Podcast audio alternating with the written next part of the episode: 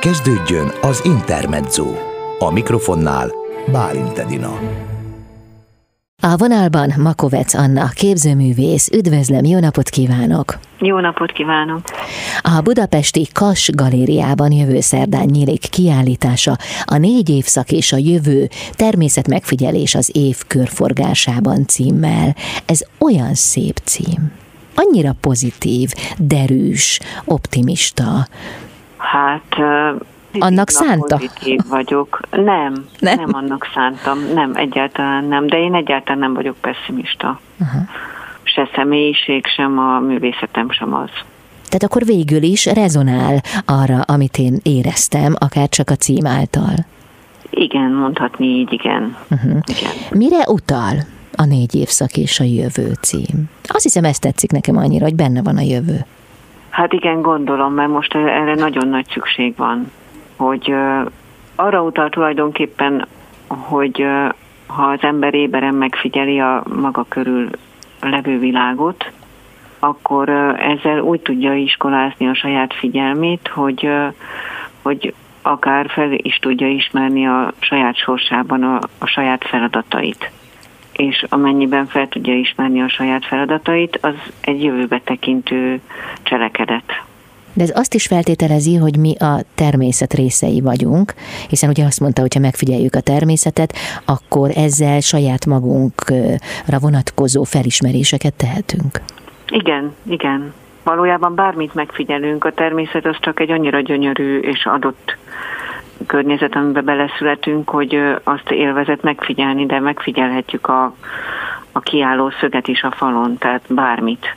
Uh-huh már maga a megfigyelés momentumát, hogyha az ember iskolázza, akkor egy idő után felismer olyan dolgokat a környezetében, ami bármi lehet, ami az éberségnek a jele.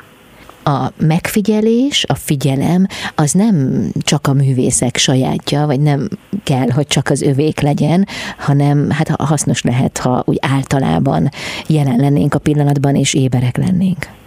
Igen, ez bármelyikünké, ez nem egy művészeti sajátosság. Aha. Az csak az én sajátosságom, hogy én ezt a, ezt a folyamatot, ezt ebből, ebből képeket csinálok, valójában tárgyasítom a, magát a megfigyelésnek a folyamatát. Uh-huh.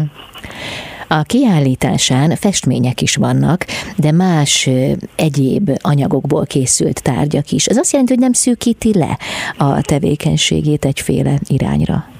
Hát egyáltalán nem, tulajdonképpen nagyon szakszerűtlenül bármilyen anyaghoz nyúlok bármikor, és teljesen, hát nem vagyok egyáltalán törvénytisztelő személyiség, amúgy sem nagyon, és emiatt aztán most például egy szobrot csinálok ebbe a kiállításba ez lesz az installáció egyik része, hogy egy szobrot csináltam önmagamról, aki mint a, a természetet figyelné meg. Tehát, hogy egy figyelmes testtartásban és figyelmes arckifejezéssel nézi a tájat. Uh-huh.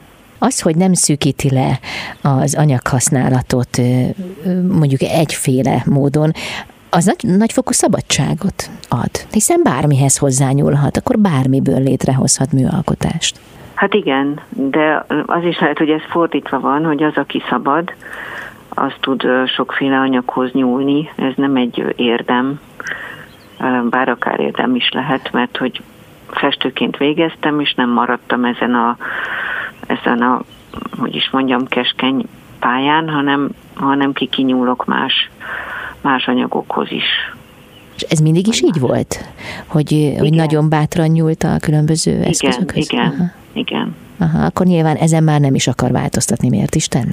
Nem, mert hát ez egy élvezetes dolog, tehát hogy most egy maradék köbméter maradék hungarocellem volt, és most abból csináltam egy szobrot, holott nem igazán lelkesedem a műanyagért, de, de most ez, ez adódott. Uh-huh és ugyanígy nyúlok a textíliához, vagy a földhöz, vagy a, a fához, vagy kerámiához, vagy rongyszőnyeghez, tehát hogy ez, ez egy élvezetes dolog.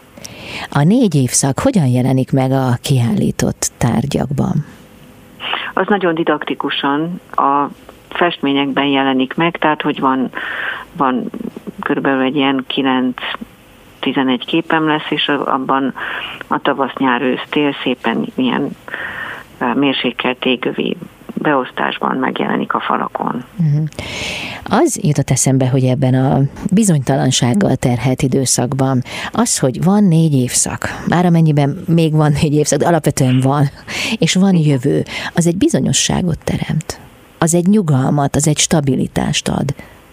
Hát való, hát igen, aki, aki ezt végül is a, a nappal és az éjszaka is ugyanígy van. Tehát ezek a ritmusok, vagy akár a be- és a kilégzés csak ezeket fel kell, hogy tudjuk ismerni, meg azt is, hogy, hogy mi saját magunk formáljuk a saját jövőnket, meg az emberiség jövőjét is.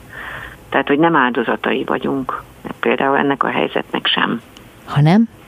Hanem lehetőség szerint tudatos formálói. Uh-huh. A kiállítás a Kas Galériában jövő szerdán nyílik majd. Elkészült már? Tehát megvan már, hogy... Vagy még nem? Ilyet sose szabad kérdezni nem? nappal, nem nyitó előtt. Nem, itt ülök a műtermemben, és még egy félkész képet reszelek. Jó, hát de gondolom kész lesz szerdára. Kész lesz, persze. Meddig nézhető meg a kiállítás a Budapesti Kas Galériában? Uh, úgy emlékszem, hogy június közepetájáig. Aha. És ugye ez a kiállítás, ez már a valóságban tekinthető meg. Úgy értem, hogy nem az online térben, hanem tényleg nem, oda mehetünk. Nem, nem tartanék online kiállítást. Aha, kiállítás az kiállítás, és az nem online nekem. A kiállítás amellett, hogy most már a valóságban is látogatható szerencsére, milyen különös nem, hogy ezt ki kell mondani, hogy a valóságban, miközben ezt régen mi tudtuk, természetes volt, nem kellett azt mondani, hogy a valóságban elmegyek a színházba, de most igen. igen. Nagyon szépen köszönöm, ez tehát egy igazi ünnep lesz, jövő szerdán a Budapesti Kas Galériában. Sok látogatót kívánok. Köszönöm szépen, köszönöm szépen, minden jót kívánok. Makovec Anna, képzőművész volt a vendégem itt az Intermedzóban.